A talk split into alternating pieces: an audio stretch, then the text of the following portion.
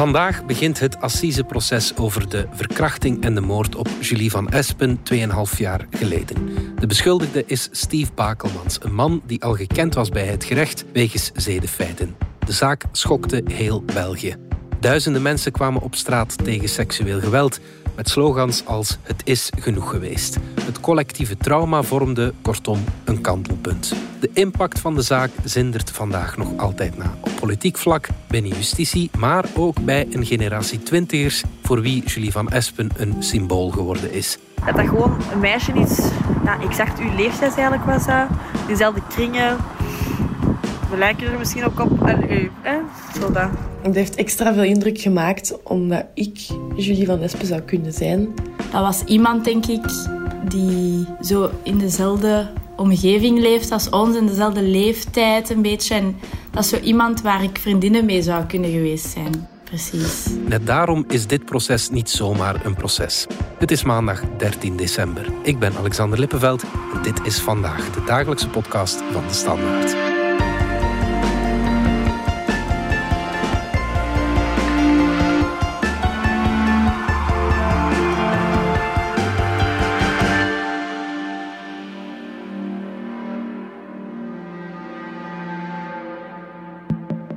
Zien je eten bij uh, vriendinnen en uh, zien ze in principe rond ongeveer 20 over 6 uh, vertrokken.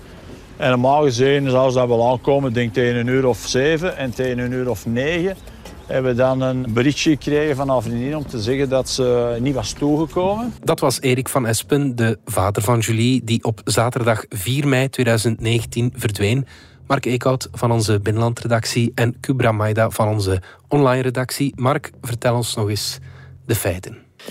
Wel, uh, Julie van Espen had die avond, 4 mei, afgesproken met vriendinnen in Antwerpen op het Zuid. Mm. Um, dat was een half uurtje rijden van bij haar thuis in Schravenwezel. Mm. En het was nog uh, klaar. Hè. Dus uh, zij heeft de fiets genomen en is rond half zeven vertrokken richting Antwerpen. Mm. wat betekent dat ze eigenlijk langs het jaagpad, langs het Albertkanaal is gefietst. Ja en daar de weg naar Antwerpen heeft genomen. Julie is nooit aangekomen bij haar vriendinnen. Uh, die hebben dan rond negen uur uh, gebeld naar de papa van Julie, die meteen besefte dat er iets uh, aan de hand was, dat, dat dat niet normaal was. Er is ook meteen een zoekactie begonnen van, van vrienden, kennissen en de lokale politie ook. Mm. Een zoekactie die de dag erna massaal hernomen is. Mm. Er werden een, een eh, aantal spullen van haar teruggevonden mhm. eh, langs het kanaal. Het laatste signaal van haar gsm werd ook op een bepaalde plaats aan dat kanaal uh, opgevangen. Mhm. En om, net omdat het, ja, het, het, laatste punt waar Gilou was, daar kon gesitueerd worden, heeft men daar ook de camerabeelden bekeken. Mhm. En daarop was een man te zien die met het fietsmandje rondliep dat uh, Julie aan haar fiets had. Ja, ja, ja. Uh, en dat was eigenlijk het ultieme spoor uh, naar de dader. Hè. -hmm. Men heeft die beelden verspreid van die man en gevraagd wie hem herkende. Ja, en toen is er eigenlijk een, een, een stroom aan tips gekomen. Enkele honderden zelf. Hè. Heel veel mensen herkenden Steve Bakelmans. -hmm.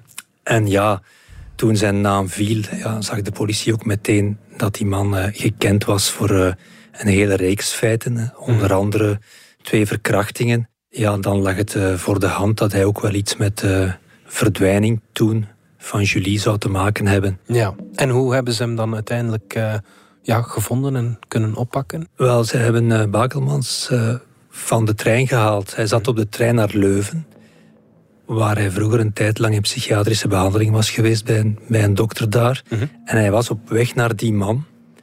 En toen hij van de trein stapte, heeft de politie hem opgepakt. Ja. En Bakermans heeft eigenlijk bijna meteen uh, ja, de, de feiten bekend. Dus uh, de moord en de verkrachting van Julie van Espen. Ja, je stipt het al aan.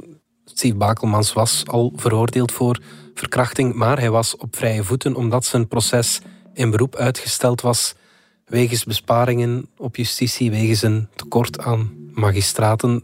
Daar was achteraf vooral heel veel verontwaardiging over ook. Hè? Ja. Klopt. Steve Bakelmans op het moment dat hij, ja, dat hij Julie van Espen tegen het lijf loopt, had hij eigenlijk in de gevangenis horen te zitten. Hè. Mhm.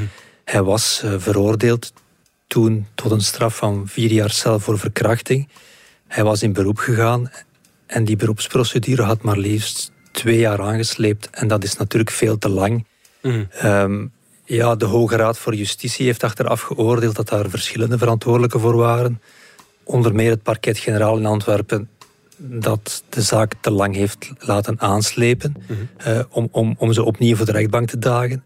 En dan ook het Hof van Beroep zelf, ja, waar de, de zaak eigenlijk onderaan de stapel is terechtgekomen. Ja, ja. Toen is ook nog de Kamer afgeschaft of, of opgedoekt waar de zaak had moeten voorkomen. Toen is ze nog eens onderaan komen te liggen.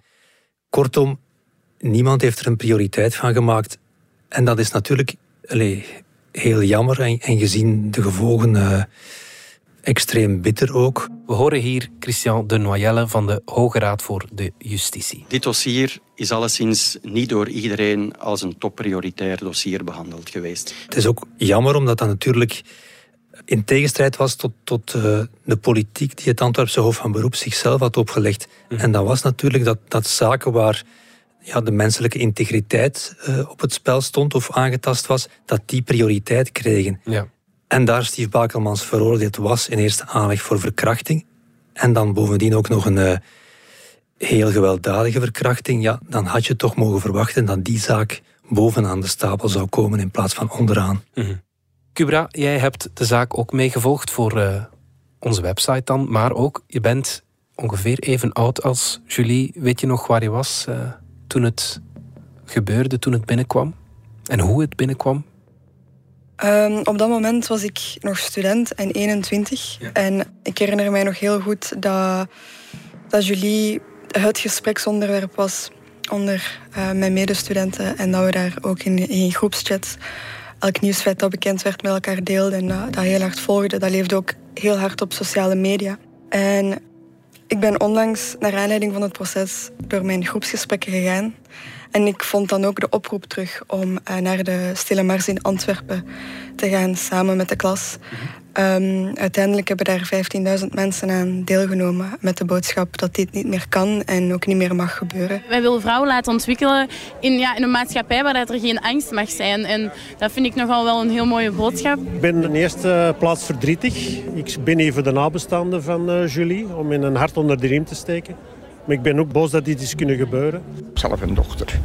Die had dat ook kunnen, kunnen tegenkomen hier. Ik vind dat het, het gerecht veel te traag werkt en dat dat moet veranderen. Dat ik denk dat er heel vaak aan voorbij wordt gegaan hoe vaak dat wij ons onveilig voelen.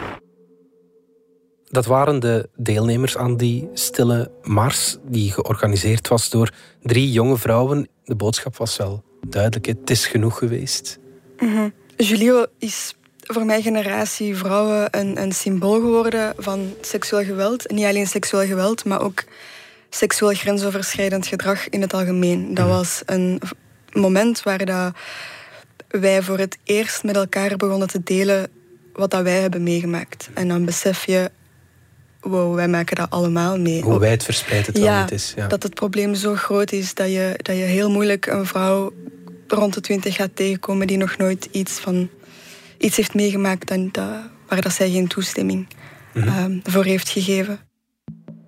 Dat was een moment waarop dat we samenkwamen om alle vormen van seksueel grensoverschrijdend gedrag aan te kaarten. Omdat we het zo beu zijn. Mm -hmm. En um, je voelde u ook, zowel op straat als op sociale media, niet meer alleen. Mm -hmm. Je voelde dat dit zo'n groot probleem was. En, en hoe groter dat probleem werd, hoe meer frustratie dat er ook kwam bij ons. Omdat je besefte iedereen, elke vrouw heeft iets meegemaakt dat niet oké okay was. Mm -hmm. Julie is een kantelmoment geweest, omdat we onszelf hebben laten horen aan mm -hmm.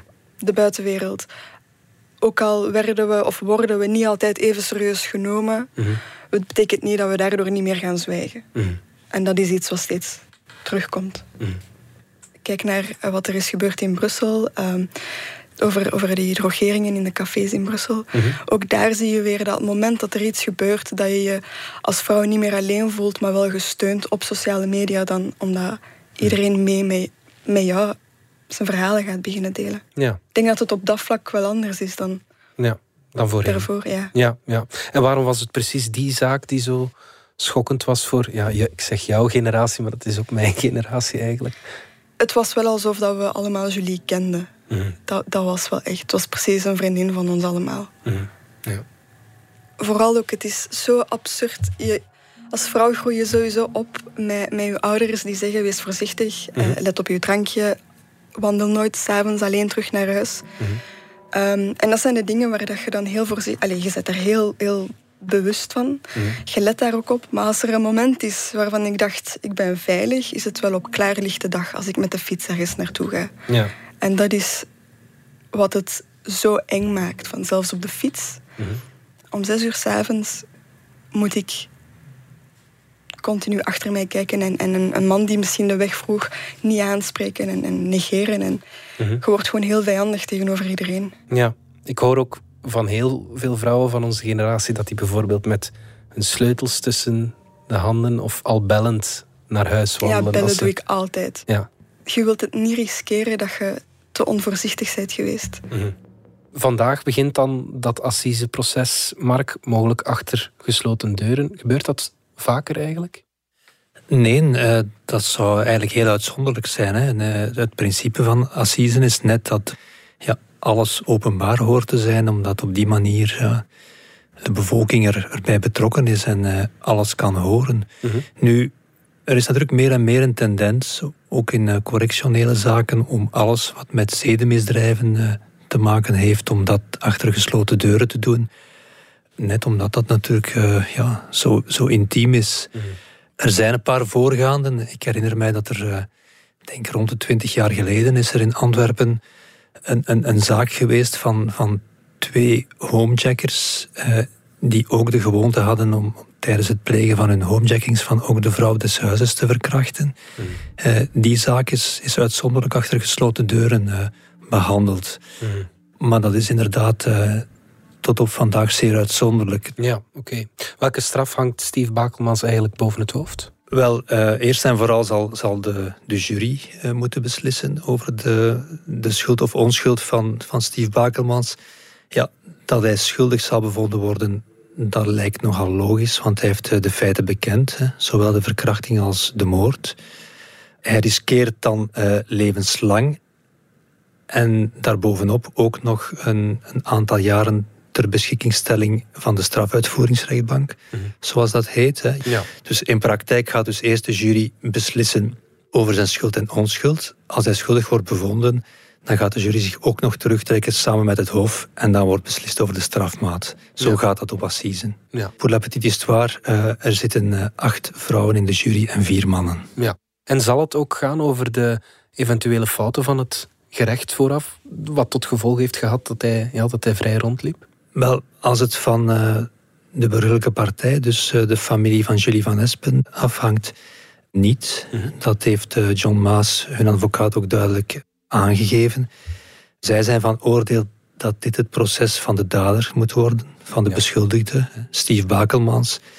En dat het niet het juiste moment is om ook het proces van justitie te houden. Dat proces is eigenlijk al gehouden. Hè. Er is eh, een, een verslag van de Hoge Raad van de Justitie geweest dat duidelijk heeft eh, aangetoond waar de pijnpunten hebben gelegen in de zaak van Espen. Dat is dan gebeurd. Nu is het het moment eh, om Steve Bakelmans te berechten. Ja, ja, oké. Wanneer kennen we de uitspraak? Het proces gaat iets meer dan een week duren, dus het begint vandaag. En eh, de uitspraak wordt voorzien eh, volgende week dinsdag. Ja, het feit dat dat zo dicht aan huis was, vond ik wel heftig. Ook omdat ik zelf op eh, dat Marnixfeest was. Die was op onderweg naar Marnix, het Marnixfeest, hè, op, eh, op Marnixplaats, zo daar, bij Lucy Chang en zo is dat. Ik was daar toen ook. En dat je eigenlijk, ja... Gewoon het feit dat je dat zelf kon zijn, onderweg naar dezelfde locatie. Dat was gewoon heel, ja, reëel opeens. Er waren ook een aantal vrienden van mij ehm, die die vriend ervan kenden. Dus het kwam toch allemaal heel dichtbij. Wij zijn zelf een vriendengroep die heel vaak eh, alleen fietsen of alleen naar huis wandelen na het feesten of na een eh, etentje. Eh, ook langs ja, de kaaien, dus niet altijd de meest veilige routes. Waardoor ehm, we automatisch wel meer nadachten over welke route we gingen nemen. En ook elkaar sneller een berichtje stuurden eh, wanneer we veilig thuis waren. Ja, als vrouw weet je dat je op straat sowieso niet super veilig bent. En zet je altijd wel bewust van je omgeving. Maar uh, was dat op een doordeweekse dag, overdag, dat ze van haar fiets is getrokken. En dat zijn eigenlijk niet momenten waarop ik mij zorgen maak. En ik had ook wel vriendinnen uit Antwerpen, allee, en eigenlijk vriendinnen overal, die, die veel met de fiets gaan. En die daardoor ook echt even gestopt zijn met dat te doen. Gewoon omdat je altijd voorzichtig moet zijn. Ze zeggen dat, maar eigenlijk ligt dat niet aan ons om voorzichtig te zijn. We zouden gewoon met de fiets en te voet moeten kunnen gaan op elk uur van de dag. En dat is, dat is heel eng allemaal. Ik weet ook bijvoorbeeld in mijn omgeving mensen die aangerand zijn geweest op onverwachte momenten. Weet ik dat dat voor, voor hen um, super, super, super heftig was. En dat uh, vond ik vooral heel intens om te zien. Klinkt dit herkenbaar, Kubra? Jazeker. Um, ja, dit is echt wel een dossier dat mijn generatie heel hard heeft geraakt. Ja, er zijn zo'n uh, aantal dossiers geweest uh, doorheen de geschiedenis. Hè.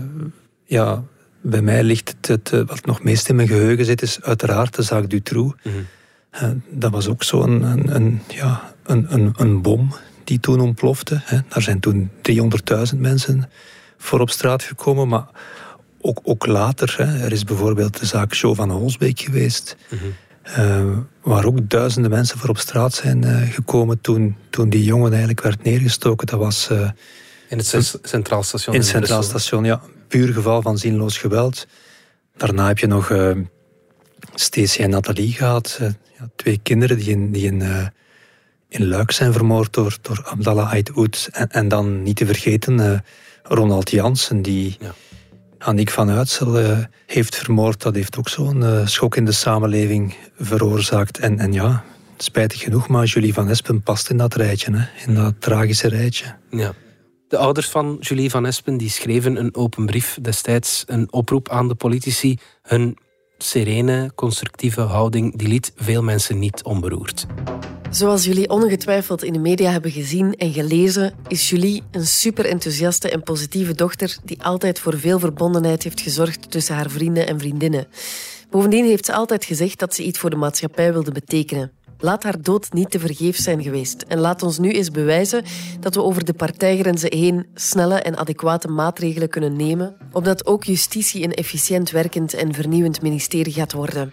We wensen jullie niet alleen veel positieve energie toe, maar vooral een enorme gedrevenheid om aanbevelingen te willen omzetten in realisaties en kijken dan ook rijkhalzend uit naar de eerste stappen. Er werden eisenbundels opgesteld, onder meer door Punt VZW, die strijdt tegen seksueel geweld en die samen met de ouders pleiten voor onder andere meer seksuele opvoeding op school, vorming van de politie, meer middelen en een uitbreiding van de zorgcentra seksueel geweld. Ook talloze vrouwen sprongen op de barricaden, talloze bekende vrouwen. Lisbeth Stevens bijvoorbeeld, de Leuvense professor seksueel strafrecht van het Instituut voor de Gelijkheid van Vrouwen en Mannen.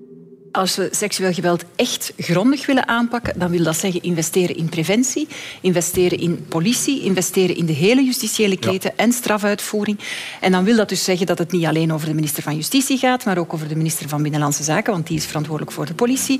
Dan wil dat zeggen dat we uh, eigenlijk vanuit de federale regering als geheel dat moeten een prioriteit ja. vooruitschuiven en dat ook Vlaanderen mee moet. Ook Goedele Liekes, Krostin, de cartooniste, ook zij sprongen op de kar. Cubra, het heeft wel een impact gehad, hè? Ja, um, ik herinner mij nog goed Krostin, haar um, tekeningen... Die gingen over hoe dat een vrouw zich gedraagt in de buitenwereld. En mm -hmm. dat de buitenwereld niet onze vijand mag zijn. En, en die tekeningen zijn heel viraal gegaan. Mhm. Juist omdat ze zo herkenbaar waren. Mhm. um, ook dat bracht ons wel heel hard bij elkaar, mhm. denk ik. Ik heb de cijfers uh, opgezocht bij justitie. En daarin uh, zien we dat we eigenlijk al heel lang weten dat er in ons land acht verkrachtingen worden aangegeven per dag. En dat is waarschijnlijk slechts een tiende van um, het echte aantal. Ja. Naar schatting zouden er 80 mensen dagelijks verkracht worden. En in 75% van die gevallen is de verkrachter uh, een bekende van het slachtoffer. Mm -hmm. Maar het meest hallucinante daaraan is dat slechts 10% van de aangiftes van verkrachting uh, leidt tot een veroordeling. Ja. En toen bleek dat de moord op Julie gepleegd werd door een veroordeelde verkrachter, dan kwam er meer druk op justitie en politiek. Het was ook vlak voor de verkiezingen van mei 2019. En voor Koen Geens, de toenmalige minister van Justitie, was dit natuurlijk zeer vervelend. Ja, ja. er zijn al ministers voor minder uh, opgestapt. Hè? Ja, en daar was hij zelf ook bewust van. Ik begrijp dat ook niet. Hè? Maar het is niet omdat ik het niet begrijp dat ik het niet in een rechtsstaat moet aanvaarden als minister van Justitie. Een minister van Justitie is maar wat hij is. Men heeft beslist hem niet aan te houden uh, omdat hij zijn voorwaarden in voorlopig hechtenis correct had nageleefd. Maar we mogen ook niet in paniek slaan daardoor. Er kwam na Koen Geens een andere minister van Justitie, Vincent van Quickenborne van Open VLD. Gaat hij dat, dat seksueel strafrecht aanpakken? Wel, dat is al uh, voor een deel gebeurd. Mm -hmm.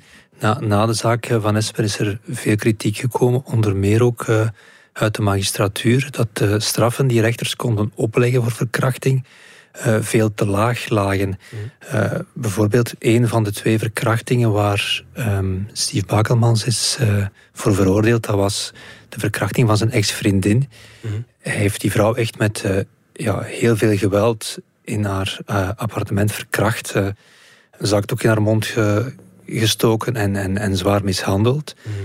Daarvoor heeft hij vier jaar gekregen. Ja. Wat gevoelsmatig weinig is. Maar het maximum is vijf jaar. Minister van Quickenborne heeft een wetsontwerp klaar waarin hij de maximumstraf voor verkrachting legt op tien jaar.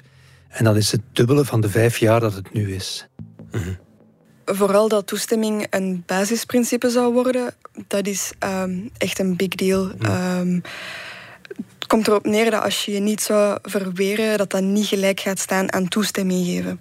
Dat geeft het gevoel dat al die getuigenissen die, die tijdens de verdwijning van, van Julie naar boven zijn gekomen, die niet per se heel tussen aanhalingstekens heel erg waren, mm-hmm. dat die toch nog altijd serieus gaan worden genomen. Dat er, dat er wel geluisterd wordt op een manier dat, dat niemand excuses kan maken voor het slachtoffer van dit is jou overkomen omdat je niet duidelijk genoeg nee hebt gezegd. Of omdat je je zo had, ge, had gekleed. Een, kort rokje is ja, geen... Ja. Um, mm-hmm. Of, of dat, dat je te zat was. Dat dat mm. allemaal geen excuus meer gaat zijn. Want ja. niks zeggen is ook geen toestemming. En dat voelt nu wel mm. goed aan. Ja. Of zo. En intussen is vrijdag ook een petitie met 68.000 handtekeningen tegen seksueel geweld overhandigd aan staatssecretaris voor gendergelijkheid Sarah Schlitz van Ecolo. Ze belooft een actieplan, dat is goed nieuws. Kubra Maida, Mark Eekhout, dank jullie wel. Alsjeblieft. Alsjeblieft. Dit was vandaag de dagelijkse podcast van De Standaard. Bedankt voor het luisteren. Ken je trouwens DS Podcast al, de podcast-app van De Standaard? Daar luister je niet alleen naar onze journalistieke reeksen, je krijgt ook elke week een eigenhandige selectie van de beste nieuwe podcasts op de markt. Alle credits van de podcast die je net hoorde vind je op standaard.be-podcast. Reageren kan via podcast.standaard.be. Morgen zijn we opnieuw.